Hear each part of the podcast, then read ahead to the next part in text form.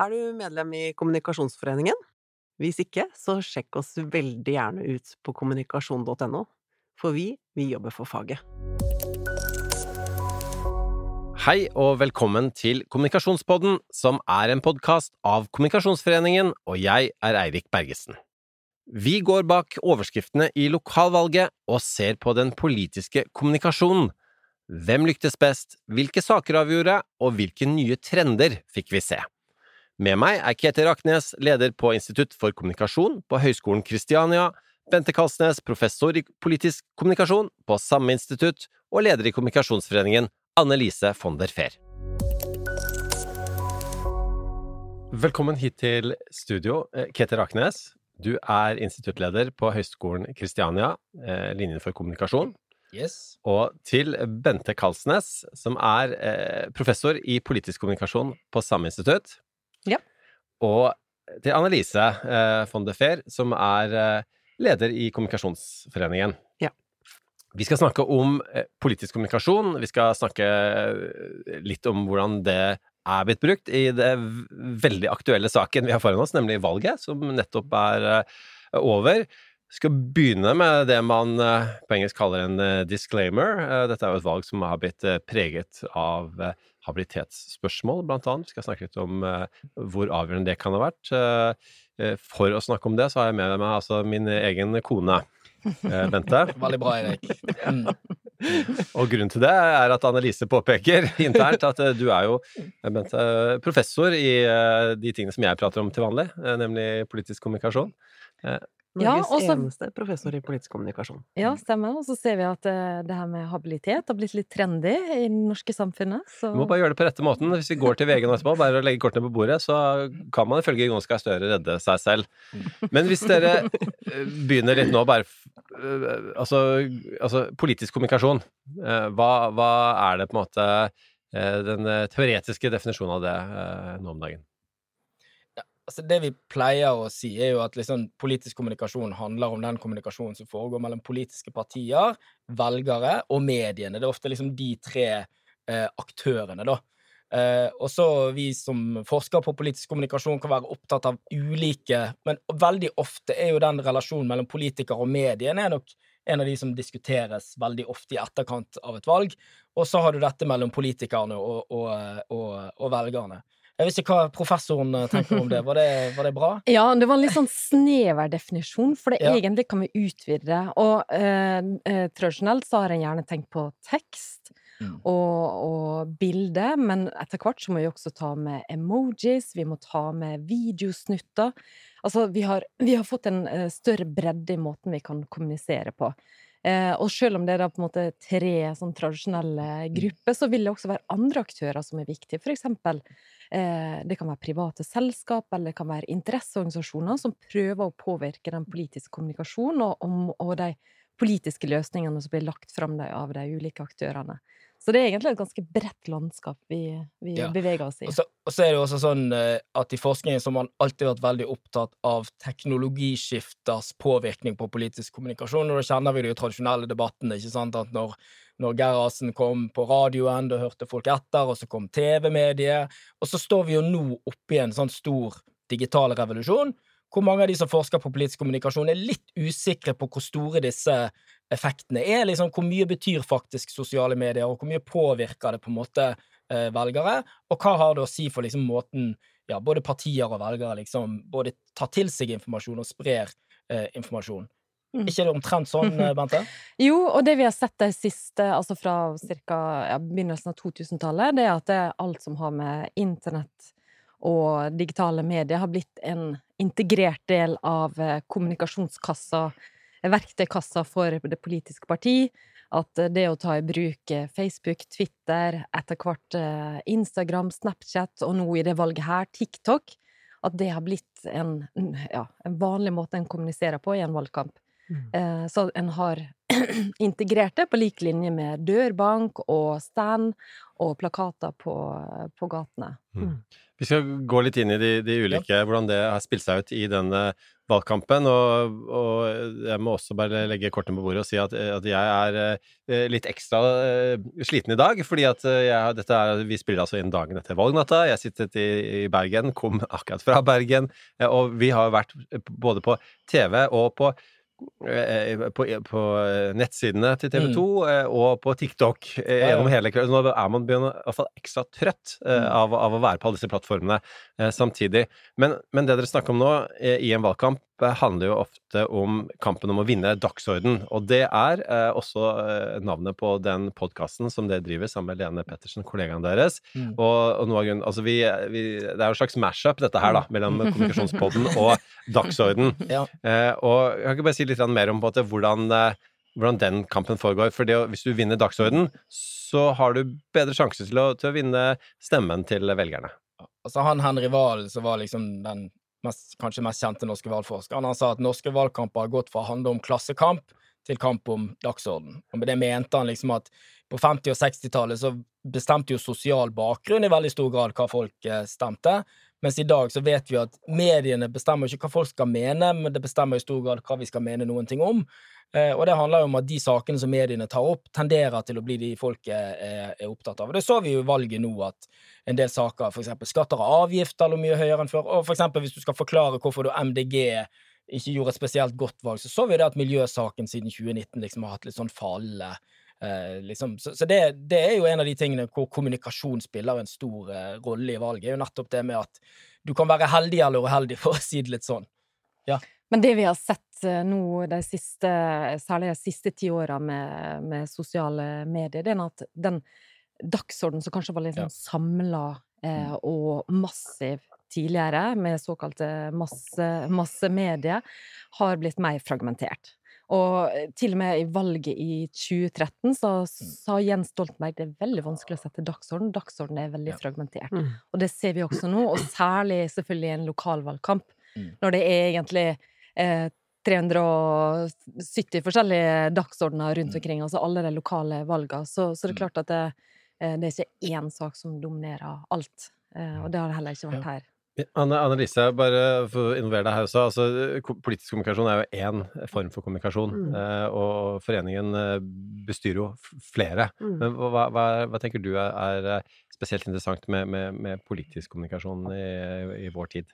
Nei, altså det, det, handler jo om å selge verdier, også, og det som, eh, som, også er interessant, er jo hvordan partiene klarer å ta opp i seg de samfunnsendringene man har, da. Ikke sant? Vi har mm. blitt et mye mer individualistisk samfunn, vi er globalisert, altså det er andre verdier som råder blant folk. Og for meg virker det som om Arbeiderpartiet ikke har klart å, å ta den endringen inn i eh, sitt partiprogram og, og i sin kommunikasjon. Altså folk kjøper ikke fellesskapsløsningene som de ble store på Mm. eh, i mellomkrigstiden og i etterkrigstiden.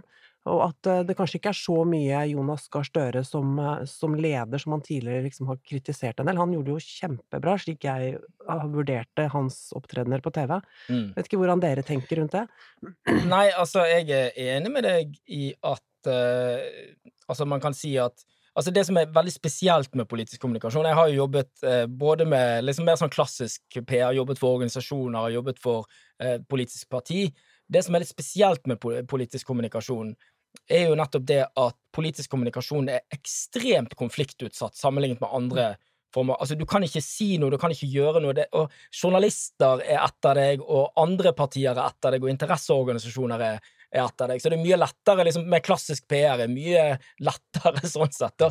Politisk kommunikasjon er nok litt sånn det, det, er en av de mer avanserte formene for kommunikasjon. Hvis dere så på partilederdebatten, sant? Mm. du ser det skal stå der, og det var veldig interessant, for jeg har vært med å, å forberede mange partilederdebatter. Folk er ikke klar over hvor utrolig mye norske partiledere kan. Men jeg tror en del skjønte med den største, siste partilederdebatten. Du vet ikke temaet. Mm. Sant? Men de har jo lest 300 eh, sider med faktaflak om absolutt alt. Mm. Så de skal være forberedt. Og det var egentlig, jeg synes det var kult at NRK gjorde det, for de viste egentlig fram hvor, hvor godt forberedt alle disse menneskene er, og hvor utrolig hardt de jobber for å kunne snakke enkelt om veldig mange komplekse områder. Mm. Men samtidig, samtidig er jeg enig med deg at Jonas Gahr Støre gjorde det veldig bra i debattene og fikk eh, gode skussmål fra kommentatorer også. Samtidig som den viser at det, folk er opptatt av sakene. Altså, Mm. selv om han kan være god til å Mm. debattere på TV, så trenger ikke det bety at folk støtter opp om sakene til partiet. Mm. Eh, og, og ikke minst, sånn som du sier, altså de løsningene som de legger fram. Så jeg tenker det, det er der en del av den diskusjonen kommer til å gå nå framover. Hva slags løsninger er det den rød-grønne sida står for, da? Mm. Ja, for hvordan eh, ikke sant? Du, du har politikk, og så har du kommunikasjon, og så har du Mm. politisk kommunikasjon. Ja, ja. Men, måte, men, men eh, Og det er klart at politikken skal også kommuniseres, og så er det jo måter å, å, å sminke den politikken på. Men, Mm. men, men hvordan vil dere Vi skal prøve å skille det litt, grann, da. Altså, kan, kan man i våre dager eh, Og nå, nå har vi jo fasiten. Vi har jo valgresultatet. Eller ikke alle storbyene, det er ikke helt klart ennå. Mm. Eh, Men, men vi har noen klare trender. Eh, altså, på en måte, er det i det hele tatt mulig, eh, hvis du har litt sviktende politikk, å kommunisere så godt at, at du kan gjøre det bra likevel?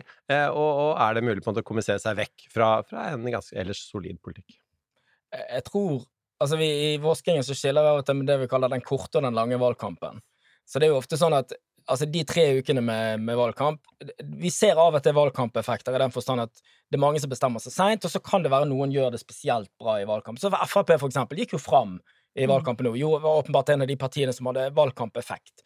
Men det gjelder ofte bare ganske få partier. På liksom Det store bildet er at vi ser jo Altså, vi ser jo av målingene når valgkampen begynner, hvem som sannsynligvis gjør det bra, og hvem som sannsynligvis eh, eh, gjør det dårlig. Det finnes jo statsvitere som mener at politisk kommunikasjonsforskning bare er tull, sant? fordi at eh, dette vet vi jo, og strukturene bestemmer og sånne ting. Og så ligger jo sannheten et sted imellom at Men jeg tror det er sånn som Bente sier, at det er alltid viktig å huske på at jeg har jo, for eksempel, når jeg jobbet i SV i 2013, så mente jeg at vi gjorde en veldig god valgkamp, faglig sett. Sant? altså, vi var godt forberedt debatter, vi gjorde bra ting. Fikk 4,1% Mens i 2001 fikk vi jo eh, 12% og gjorde vi egentlig det var masse rot og surr, og vi var veldig dårlig organisert og sånne ting.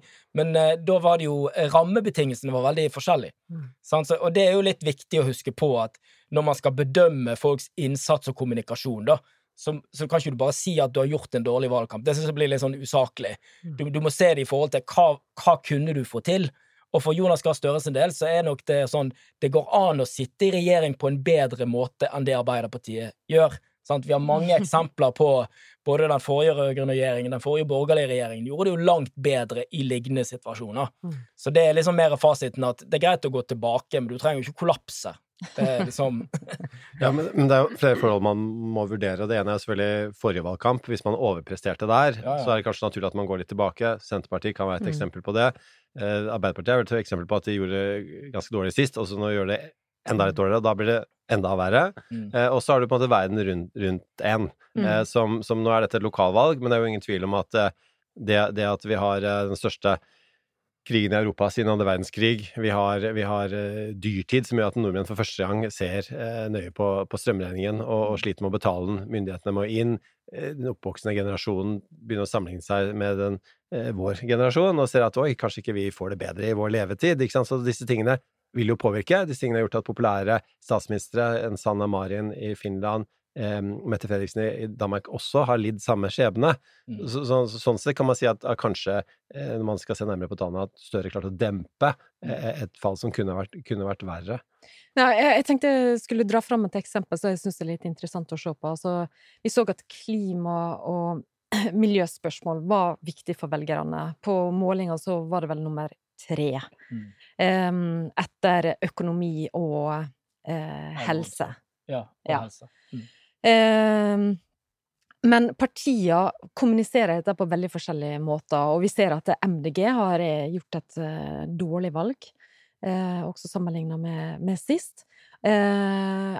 Og vi ser også etter hvert at klima og miljø har blitt et spørsmål som alle partier Mm. må ta opp i seg, og de må kommunisere det, og de kommuniserer på ganske forskjellige måter. Og MDG har fått kritikk eh, i eh, flere omganger for å være for negative, for å ja, eh, være litt dystopiske, rett og Mm. slett. Eh, så det å kunne fokusere enda mer på muligheter og løsninger, det, det kan tyde på at det, det har fungert Mm. ganske bra for Ja. Høyre. Ja. Eh, Og Venstre. og, Mm. og Venstre, Mm. ja. Eh, og FPU har nå eh, annons... Eller har, eh, har sagt at ja, de har også klimaløsninger, men at de framstiller på litt mer sånn positive og optimistiske måter. Mm. Og det er kanskje mer appellerende for ungdom. Mm. Ja, for det er også et interessant eh, poeng. Han- Velle FpU-lederen som sa at, at han eh, gikk inn i politikken for å redde klimaet.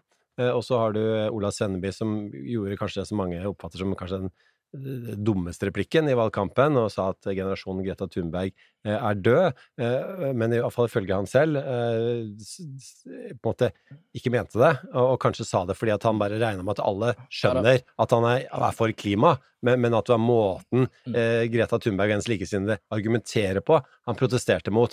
Så, så, så, er, altså, så er klima på en av de sakene vi ser på en måte er blitt så ja, altså etter hvert man blir litt sånn inngrodd i ulike partienes eh, politikk, at, at, måte, at det gjør kanskje at et rent klimaparti ikke har, eh, har på en måte nødvendigvis får den samme oppslutningen som de hadde sist. Ja, eller kanskje til og med kan si at det er en kjempesuksess i den forstand at alle andre bryr seg om det, det Mm. spørsmålet som var, var så viktig for dem. Men for partiet i, i seg sjøl så er det eh, et virkelig nederlag at de blir så små. Mm. Fordi at andre tar opp i seg den saka som, som Mm. de promoterer seg på, da. Men hvis en var en profesjonell kommunikatør, da, og har sett på dette valget, hva tror dere da liksom eh, Hva kan man snappe opp her? Er det noen råd, eller Altså, ja, det er derfor vi har dere i studio, da. Nei, nei, men jeg bare tenker liksom, hvis jeg hadde vært liksom fra, fra utsiden og liksom sett inn på valget, så er det noen eh, Hva tror du, Annelise, er det noen eh, godsaker som de kan ta med seg på jobben? Eh, jeg, altså, det er jo særlig dette med å bruke alle kanalene. Vi, Ja. Jeg satt jo i valgkampjuryen til Kampanje, Ja. uh, og vi vurderte jo de ulike partiene hvordan de gjorde det i valgkampen, og vi valgte Høyre til vinner. Mm. Fordi de har vært For det første så har de jobbet langsiktig uh, Mm. i over flere år med Ja. å reise rundt i hele landet og, og lage politikk. Altså bli Mm. enige om ny politikk. Og så har de også brukt alle kanalene, ikke sant. De hadde Erna på TikTok, de Mm. hadde De brukte alle de sosiale mediene, de hadde gode nettsider. nettsider. De Mm. hadde et slagord som jeg festet meg litt med, som eh, Muligheter for alle, som er, jeg opplever at er helt i kjernen av hva partiet faktisk står for. Ja. Og så ble jeg veldig imponert eh, hjemme. Jeg bor jo da i en eh, høyrestyrt kommune som har vært det siden 50-tallet, Asker. Mm. Og da fikk jeg en løpeseddel i postkassen som var helt ned på min valgkrets, hva Mm. det partiet skulle gjøre. Og det tenkte jeg, dæven, der, er- der har de vært flinke til Mm. å liksom vise hva de Mm. vil, da, i kommunen. Så jeg tenker at den måten de har lagt opp valgkampen på, den kan man se på og lære en del av. Og så hadde de også den derre videoen som de med Erna Solberg som sender deg en hilsen, og du i tillegg får ordføreren din, eh, i mitt tilfelle da, fordi jeg en høy, har en Høyre-ordfører, som også snakker til, tilsynelatende til meg. Altså bare det at jeg har klart å lage en sånn film med 356 kommuner, som de Mm. sikkert har hilsen fra potensielle og ordførere og ordførerkandidater fra alle kommuner, er jo en Mm. kjempejobb. Det vet jo vi Mm. som har jobba med, med kommunikasjon og den type, Mm. type filmer, da. Selv om det er digitalisert og automatisert. Men eh, noe som du trekker fram da, det er at dette er et parti med masse ressurser. Ja. Altså både folk Mm. og økonomi.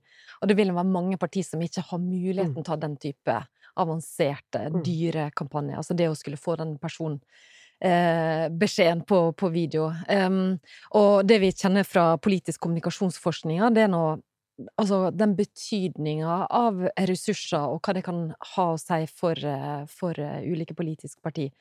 Eh, Men så har vi for eksempel sett sånn som Rødt, som har vært eh, blant de absolutt mest aktive på Facebook og har mest interaksjoner og får masse respons på det. Så vi ser også at de nye kanalene gjør at en del av de små partiene med små ressurser likevel kan nå bredt ut, da. Mm. Eh, så men, eh, men det er klart at det Eh, for å kunne nå ut i alle kanaler, sånn som du beskriver, altså både det digitale, det å, å være på dørbank, det å skulle ha et avansert eh, valgmateriale, det, det krever en del penger, Mm. og det er mange partier som ikke vil ha muligheten til å gjøre det. Ja, jeg er helt enig med deg. Jeg tenkte også på Venstre, som, eh, som valgte en helt annen altså Vi kåret dem som nummer to da, Mm. i valgkampjuryen, og, og, de har jo mye mindre ressurser, og de valgte jo bevisst ikke å være på TikTok. Mm. Eh, De hadde en helt annen strategi på, på Facebook. Sånn, eh, de hadde ikke så mange poster, og de hadde lengre tekster. Altså de, hadde, de valgte en annen løsning, rett og slett. Men de gjorde det jo også bra i forhold til forrige valg. Har jo gått fram. Sånn at det, det er veldig spennende. Jeg gleder meg til å lese analysen av hvordan man har opplevd bruken av sosiale medier denne gang eh, i forhold til i 2019. Kan du også legge til at eh, Rødt var det partiet som ble kåret til valgkampens vinner for to år siden. Og vi Mm. også hadde et eh, intervju med, med kommunikasjonssjefen der. Det er bare å gå tilbake i arkivet og, og lete fram. Eh, Mm. Ketil, hva tenker du? Jeg tror ikke han er så fornøyd i dag, han kommunikasjonssjefen i Rødt.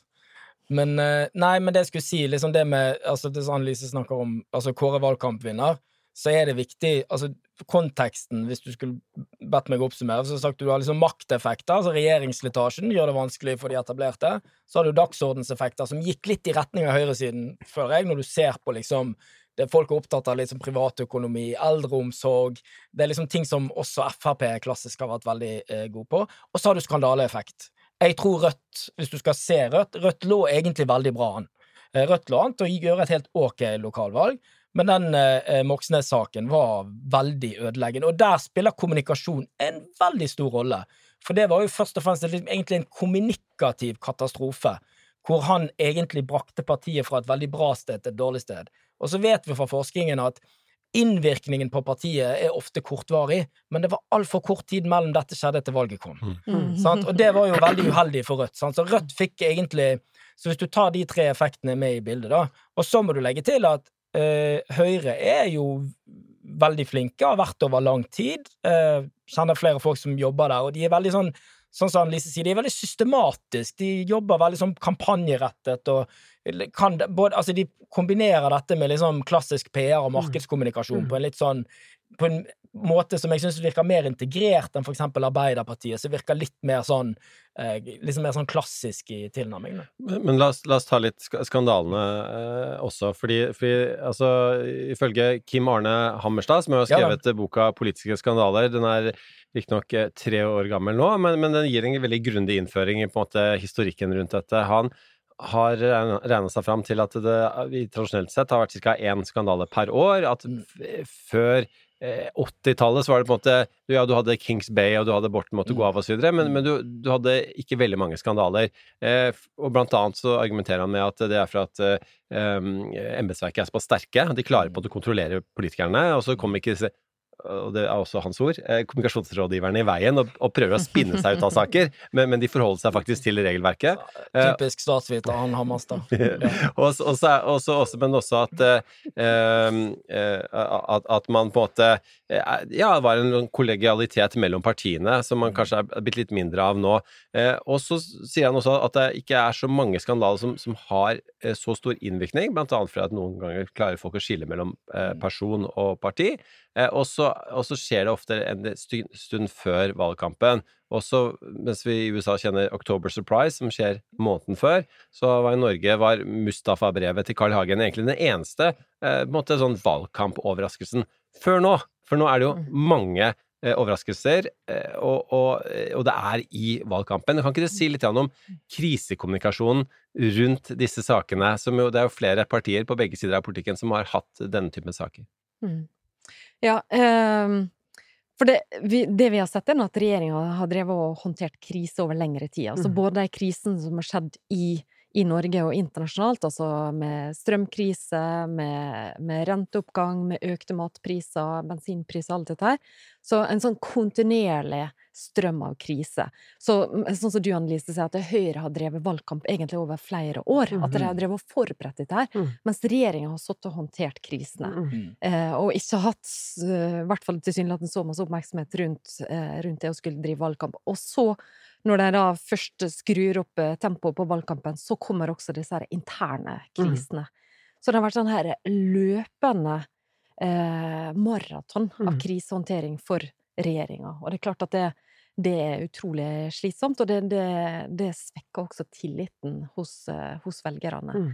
Um, og så kan en gå inn på de enkelte krisene og se hvordan de har vært håndtert. For det, Mm. Eh, mange har lurt litt på hvorfor de har vært håndtert såpass ulikt som de har vært gjort.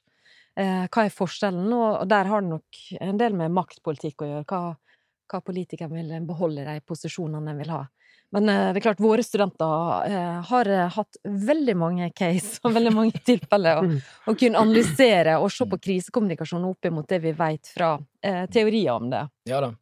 Det vi ser, er eh, vi, fikk faktisk noen masterstudenter til å gå gjennom alle krisene i den siste borgerlige regjeringen og den siste rød-grønne regjeringen, og liksom kategorisere alle. Og det vi ser, er jo at skifte av det vi kaller responsstrategi. Mm. Eh, altså Hvis du begynner med å si at dette er en bagatell, og så må du ha en ny pressekonferanse og si at ja, det er nok litt mer alvorlig enn jeg trodde, og så kommer pressekonferanse nummer tre hvor du sier at dette var faktisk veldig, veldig ille, og pressekonferanse nummer fire hvor du sier at nei, nå var det faktisk sånn at jeg virkelig dreit meg ut, og dette var veldig, veldig eh, Og det Poenget er at jo oftere du må skifte sånn kommunikativt, og for hvert skifte i responsstrategi, så ryker autoriteten din ned. Og det har jo nok preget Moxnes-saken er jo helt ekstrem. Sant? Fra liksom et, sånt, et uhell på Gardermoen til liksom grovt eh, tjuveri. Sant? Men du ser jo dynamikken på disse habilitetssakene også. Sånn, jeg visste ikke Ja, kanskje jeg visste litt. Ja, muligens. Sant? At, at det er ekstremt skadelig, for det holder for det første mediedekningen i live, eh, og du kommer liksom aldri til et punkt hvor du på en måte får lagt det Og så er det også det når det kommer flere, da blir jo føljetongen habilitets... Mm. Så det har jo noe med mediedynamikken her òg, at når mediene først har liksom koblet seg på, så er det lett å sitte på utsiden og si liksom ja, du må jo bare bestemme deg for responsstrategi. Eh, fordi at problemet er jo at de som håndterer sakene, virker heller ikke ha oversikt sjøl. Eh, og det er jo det verste. Sant? Og du vet ikke egentlig sjøl dybden i krisen. Mm. Altså, du vet ikke, Det virker som Annike Huitfeldt liksom ikke vet helt hva som har skjedd. Mhm. Og det er jo en, det er et veldig dårlig utgangspunkt, da, fordi at mediene vil kreve nå må du svare, Mm. og hvis du avviker en millimeter fra den forklaringen, så er det en ny runde. Mm. Eh, Det hører med til historien at forrige regjering også hadde sine kriser, og det forsvant jo en del statsråder der òg. Riktignok var de fleste i Justisdepartementet, så var det litt mer oversiktlig sånn sett. Ja, ja.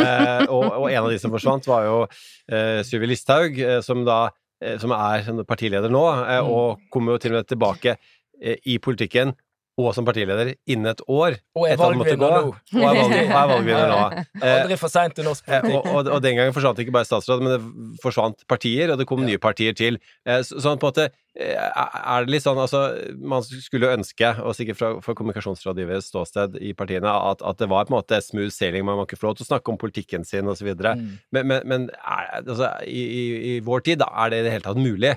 Altså, du, du, du vil ha type skandaler, og du vil ha eh, om, om det er pandemi eller det er krig, eller det, det er ting som, som forstyrrer uh, den planen du hadde lagt da du la fram statsbudsjettet. Mm. Så så hvordan på en måte, og, og, det, og dette gjelder jo eh, bedrifter og, og veldig mange andre institusjoner dere, også. Min teori, hvis ikke dere dere tenker om det, er jo at det vil bli flere kriser, og det handler ikke om at folk er kjipere enn før, eller at politikere er annerledes enn før. Det handler rett og slett om at journalister er blitt litt dyktigere, vi har tilgang til mer data, og det fins mer åpenhet.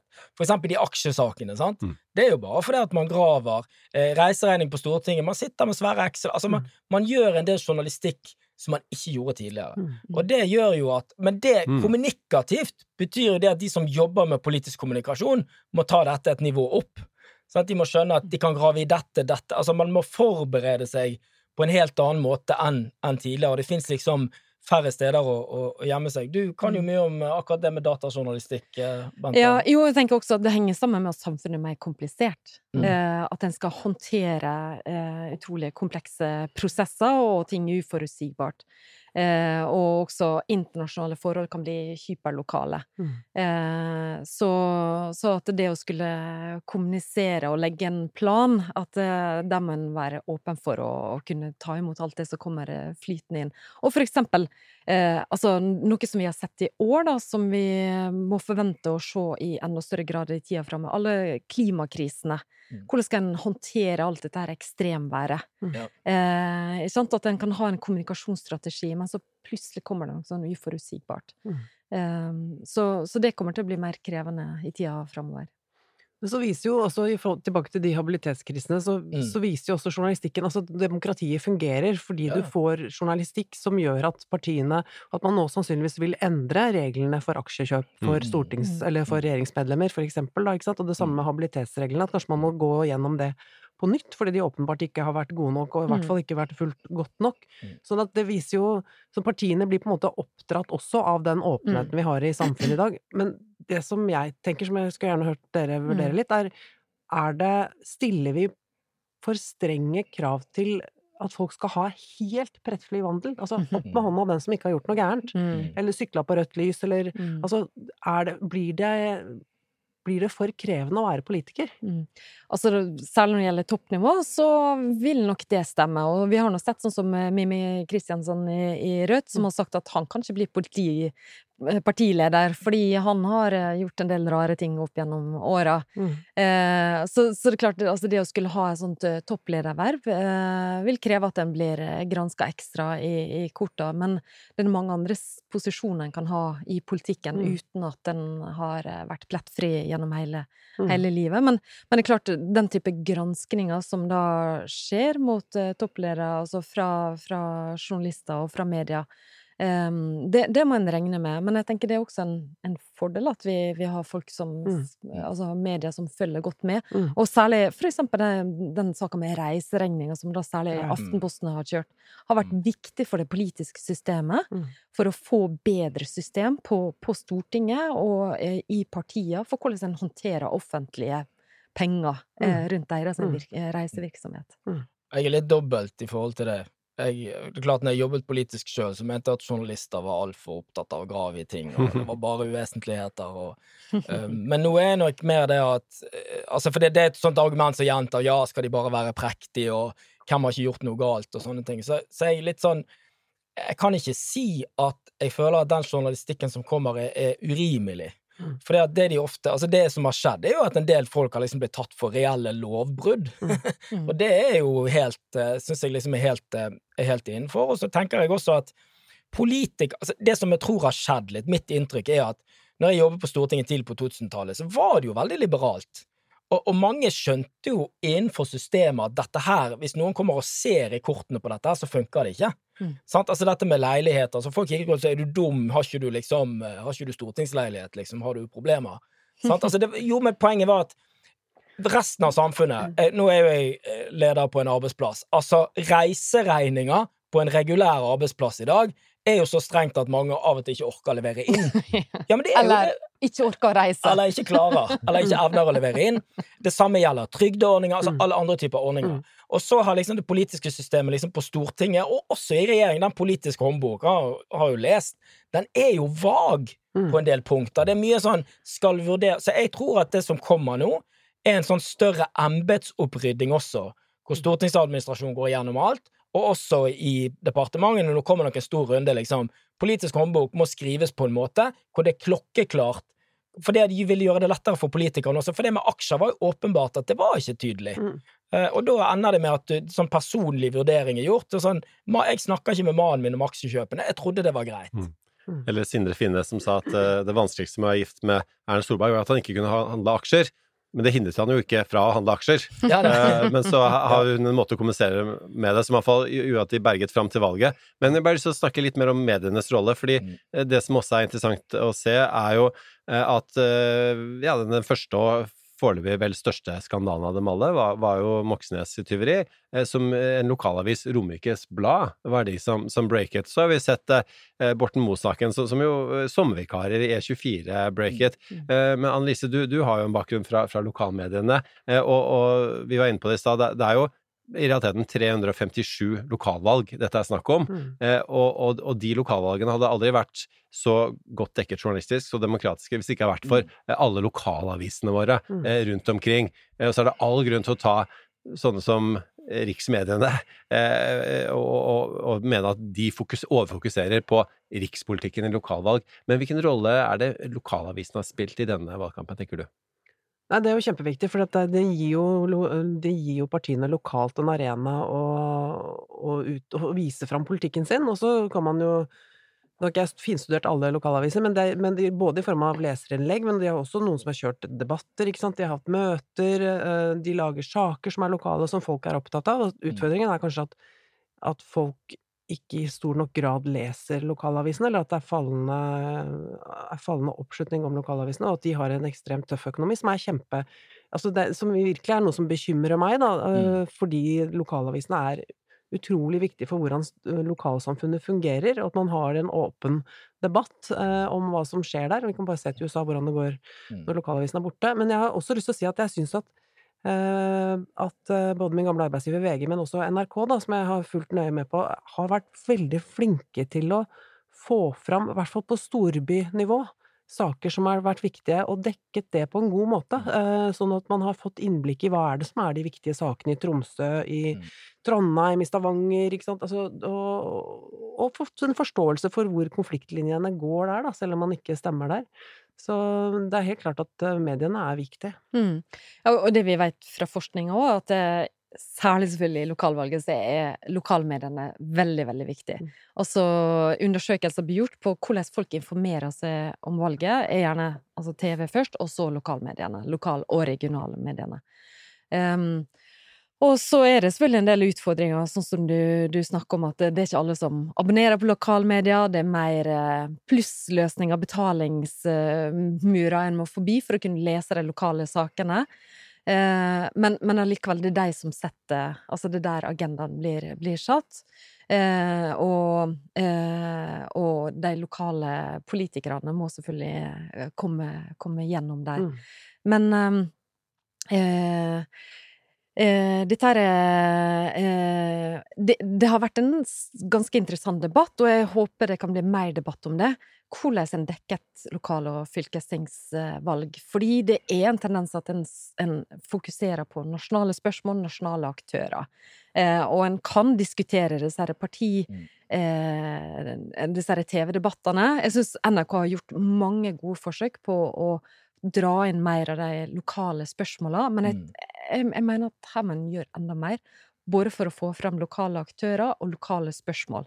Altså en tar opp ulike tema. Altså hva, hva tema er det som er viktig lokalt? Mm. Eh, så jeg syns det, det nasjonale fremdeles overskygger en del. Da. Mm. For, fordi det, det vi jo vet er at, at eh, i mange av disse kommunene så er eksempel de to som er i regjering sammen, eh, Høyre, Arbeiderpartiet og Senterpartiet, er jo hovedrivalene i veldig mange ja. kommuner. Og, Mm. og de er jo, er jo Senterpartiet har jo veldig mange flere ordførere og mye med betydning eh, lokalt. mm. og enn en, til og med har, har, har Riks, selv om de sitter i, i regjeringen, så har du det er, det er mye strange bedfellows, altså litt sånn eh, um, aparte sengekamerater i politikken, og, og det er nok mange som, som la seg eh, i natt og våkne opp i morgen med noen andre enn de hadde forventet å, å sitte med. Eh, og, og vi vet at det er vel noe sånn som 38 kommuner hvor Senterpartiet og Frp samarbeider, eh, 13 hvor Arbeiderpartiet og Frp samarbeider, Arbeiderpartiet og Høyre samarbeider flere steder. Jeg snakker med kommunikasjonsfolk i, i Arbeiderpartiet som prøver å legge opp strategi til, for liksom å, å motarbeide Høyre, så får de høre fra ordføreren sin at nei, nei, vent litt, nå, vi samarbeider jo med Høyre. Mm. Du har regnbuekoalisjoner og så videre, og Ja. all politics is local, som det heter i amerikansk politikk, og, og, og det er jo er vel resepten også denne gangen. Ja, det er veldig store forskjeller mellom distriktskommuner og liksom bykommuner. Bykommuner blir mer like det nasjonale, da, hvor du ser det liksom to blokker som står mot hverandre. Og det er derfor mye av mediedekningen, sånn som Bente sier, så skyves jo jeg synes mediedekningen ved lokalvalg skyves liksom i retning av at det skal være et nasjonalt oppgjør, eh, hvor det blir mindre plass til de lokale og de lokale sakene. Men en annen ting som hvis du tenker i forhold til sånn strategisk kommunikasjonsperspektiv, så tror jeg det er veldig viktig å huske på at for de politiske partiene er ekstremt viktig. Og de legger veldig mye Og det, her foregår det som jeg vil si en, en skjult valgkamp. Hvorfor drar Sylvi Listhaug i bobil rundt hele landet? Jo, alle som har vært ute For det, det lokalavisene også er, at de er veldig positive til politikere. Mm. Da kan du få sånn Hei, hei, kommer Sylvi i bobil, det var kjempekjekt. Sånn, Da får du sånne oppslag. Sant? Det er kun lokalaviser du får sånne oppslag. Men vi har også sett uh, eksempel der lokalavis ikke vil dekke besøk fra nasjonale politikere. Det har det også vært eksempel på. Ja, de sure lokalavisene. Men stort sett da, så kan du si at lokalavisene gir større rom for mer sånn strategisk politisk kommunikasjon. Det er lettere å få gode bilder, det er lettere at du får budskapet ditt fram. Og dette har Høyre vært veldig flinke til. Liksom De kjører sånne bussturer. Du ser Frp Jeg tror det som en del av FrPs uh, suksess har vært at hun har reist mye. Og vært synlig i mange lokalsamfunn rundt om. For det folk er litt lokale òg. Det er sånn ja, du står på TV, men du har ikke vært på besøk hos oss. Så, så det har noe å si, det der eh, også, tror jeg. nå. Det er helt riktig. Jeg, I min forrige jobb så, i Delta, i fagforeningen Delta, så lagde vi en turné. Vi var opptatt av eh, heltid-deltidsproblematikk. Og, Mm. Og kjørte rundt til, til kommuner og sykehus og ga, ga, terningkast på hvor flinke de var til å jobbe for heltid innenfor pleie- og omsorgssektoren, Ja. og fikk oppslag eh, Dette har de holdt på med nå det halvåret her, da, og Ja fikk eh, oppslag i lokale medier. Og det samme gjorde Ambulanseforbundet for noen år siden i forhold til responstid ute i distriktene, og fikk veldig gode oppslag i lokalavisene, fordi det er lokale saker som folk er opptatt av, ikke sant. Så dette er jo kjempeviktig virkemiddel i politisk kommunikasjon. Mm. Ikke bare for partier, men også for, eh, for fagforeninger. Da. Mm. Så det Vi må snakke litt om eh, sosiale medier også, eh, på en måte viktigheten av det. TikTok er, nevnt, eh, og, og, og noen mener at eh, det at knapt andre enn FPU eh, og Unge Høyre var på TikTok, eh, var mye av det som eh, gjorde at de vant det valget. Og, spørsmålet er jo på en måte om andre nå må komme etter. eh, og den, den voksne generasjonen var jo seine på, på, på Instagram, på Snap, men de har jo på en måte kommet etter. Altså vet vi personvernutfordringene med TikTok, vi vet eh, de kinesiske eh, forbindelsene som er ekstra skummelt nå i, i våre krigstider. Men, men hva, hva tenker dere rundt, rundt eh, TikTok? Og det, det er sikkert mange som nå hører på, som, som tenker at, som står og vurderer alle disse tingene her, om deres institusjon skal gå, skal gå på TikTok. Eh, Er det på måte, er det ingen vei utenom, og hvordan gjør man det best? Ja, i den valgkampen her så har vi sett eh, både prinsipielle løsninger og pragmatiske løsninger. Den, eh, noen partier tok veldig prinsipielle løsninger. De trakk seg vekk fra TikTok av den sikkerhetspolitiske vurderinga. Og der er kanskje Venstre som har vært veldig, veldig tydelig. De ønsker ikke å bruke den, eh, den eh, plattforma. Eh, og så er det andre partier der en ikke har hatt partilederen der, men en har hatt yngre politikere. Og da er det særlig altså Høyre og eh, og Frp som har blitt mest eh, profilert, og så har, har vi også Arbeiderpartiet og SV vært, eh, vært eh, litt til stede. Eh, så eh, det har nok vært et tomrom eh, fra kanskje sentrum-venstresida på Tiktok, Mm. som har gjort at Unge Høyre og, og FpU har fått lov til å boltre seg litt, da. Mm. Men jeg tror at partier må ta noen sånne her prinsipielle diskusjoner. Skal vi Mm. bruke det? Skal vi ikke bruke det? Og hvis vi skal bruke det, hvordan skal vi bruke det? Eh, for dette er på en måte første gang at eh, TikTok har fått en rolle i norsk valgkamp. Og så tidligere har vi hatt lignende diskusjoner rundt Instagram, rundt eh, Facebook, Snapchat. Skal en ha Snapchat-filter eller, eller ikke? Um, så så dette her eh, kommer til å, å selvfølgelig også bli interessant spørsmål i, om to år, i neste, neste valg. Men akkurat nå så ser det ut som høyresida har tjent best på den tilstedeværelsen på TikTok. Mm. Ja, jeg er veldig usikker på om hvorvidt de var på TikTok eller ikke har noe så veldig mye med valgresultatet å gjøre. For det, det er veldig viktig å huske på at eh, du må skille mellom spredning og effekt, og i debatten om sosiale medier så sauses jo av og til de sammen. Det at masse ungdommer har sett en TikTok-video, betyr jo ikke at det har hatt noen innflytelse på de. Eh, disse har hatt demokratidager som går over tre dager på skole, de har hørt lærere snakke, de har hørt debatt debatter altså bare sånn, det vi, Problemet til oss som forsker på politisk kommunikasjon, er at når mediene sier 'å, TikTok-effekt', så blir vi litt sånn 'ja, gjerne det'. Men eh, det er ofte veldig vanskelig å dokumentere, da. Mm. Men så kan du si at det at noen er til stede på en plattform hvor andre ikke er, gir det selvfølgelig et fortrinn. Sant? De får mer kommunikasjon retta mot den, men hvis du skal se på den Frp-Høyre-bølgen, så tror jeg liksom regjeringsslitasje og liksom sånn dagsordensting forklarer mer, da, Mm. enn en, en sosiale medier. Men det, men det er viktig, det er alltid en kamp det, er- Dette er jo litt som en sånn terrorbalanse. Sant? Det er alltid en kamp om nye plattformer, og hvis de andre er der, så må vi være der. Sant? For det at veldig mange effekter vi vet, jevnes jo ut av at motstanderne er til stede på samme plattform. Så det er helt eh, enig at det kan, det kan være noe. Men, en av effektene med, med FPU på TikTok er jo at eh, Simen Velle, som er partileder der, har jo, Ja fortelles det, på skolevalg Det står en, en, en stri strøm av, av eh, unge som vil ta selfie med han. Ja. Og hvis vi bare Vi skal gå inn for landingen nå snart, men se på, på det personlige, da. I, i, i, valgkamp eller i politisk kommunikasjon generelt, så har vi en Olaug Bollestad som har en veldig populær Instagram-konto, eh, men Mm. som ikke har klart å omsette det eh, til, til måte stemmer for eh, partiet sitt. Og så har du hatt Du har jo alltid en kjendiseffekt ved, ved valg. Du hadde en en, en eh, ordførerkandidat for, for Høyre, som riktignok ikke er bare kjendis, men Hun har ikke eh, bakgrunn fra politikken. Og så har du Gaute Grøtta Grav i Rauma, som er, må vel sies å kunne være en type kjendis. eh, kanskje burde Dag Otto Lauritzen ha stilt i stedet, og gjort Brauma til en bedre versjon av seg selv, eller noe sånt, kanskje det hadde hatt effekt.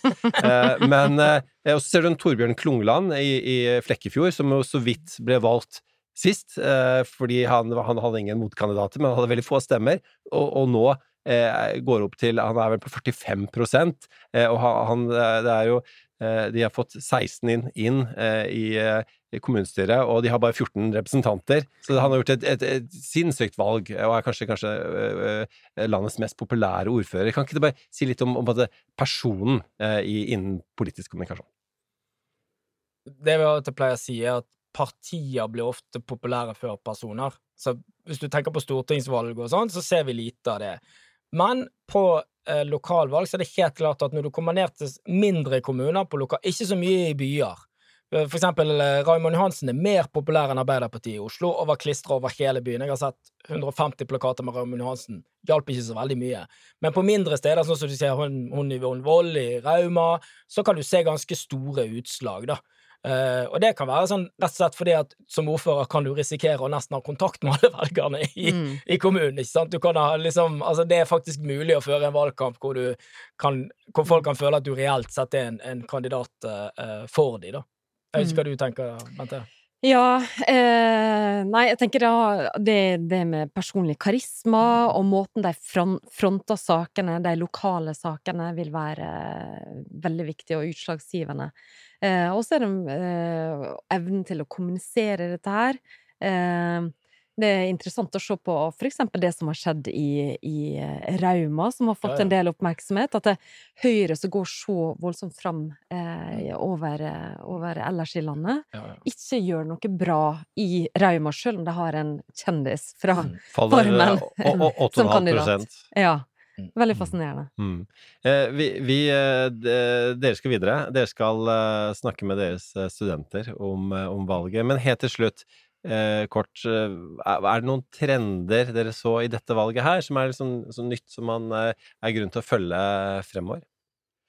Ja, en ting som jeg syns er interessant Altså den kanskje litt sånn optimismen og positiviteten rundt en del sånn miljøspørsmål. At det, kanskje det er noe som vi kommer til å se mer av framover. Eh, det som har skjedd med MDG, og måten de har eh, ramla på. Eh, det er nok noe som kanskje eh, flere partier eh, må finne ut hvordan en skal kommunisere miljø- og klimaspørsmål på en mer ja, optimistisk måte, for å virkelig få gjort noe med det.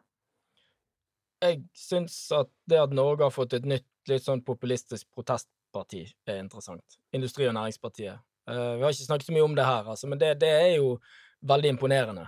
Uh, har bygd et De har nesten ikke fått De har ikke vært på TV, de har ikke liksom sant, Men de har likevel så har de klart å komme seg uh, inn. De har fått over 10% i 20 kommuner. Det er veldig Så det tror jeg uh, når, når, vi kommer inn i forhandlingsrunden og sånne ting, så tror jeg liksom Industri- og Næringspartiet det, det er i hvert fall sånn journalistisk sett, og så kommer det til å sant, Hva kan de gjøre frem mot stortingsvalget og sånne ting? For det at, det at nye partidannelser er veldig sjelden. Skal veldig mye til. Men det er helt åpenbart at de har truffet noe som mange andre ikke har klart å treffe. Ja, og det å kommunisere på så utrolig mange, i så utrolig mange ulike kanaler, det tenker jeg også er spennende å se på hvordan det utvikler seg videre. For du kan ikke kjøre de samme videoene på TikTok som på Instagram som mm. på Facebook, ikke sant. Så det hvordan, eh, hvordan, den politiske kommunikasjonen for partiene blir stadig mer spesialisert i forhold til, til kanal. Mm. Mm. Eh, tusen takk for at dere var med oss. Eh, hvis noen eh, etterspør habilitet, så kommer jeg til å ha fått å bruke uvitende inhabil. Eh, jeg syns det er litt, er litt, morsomt, for det er jo en dobbel negativ. Det er jo eh, minus og minus er, er, pluss, men det funker vel bare i matematikken og, og i politikken. Så får uh, gode forskere forklare det uh, i rapportene som dere sikkert begge to skal skrive nå fremover rundt valget. Så lykke til med det, og tusen takk for at dere var med oss her i dag. Takk. takk. Takk også til deg som hører på. Mitt navn er Eirik Bergesen. I redaksjonen har jeg med meg Håkon Skaftå og redaktør Margrethe Sako Horde. Vi høres igjen neste gang. Du har hørt en podkast fra Kommunikasjonsforeningen. Les mer om oss på kommunikasjon.no.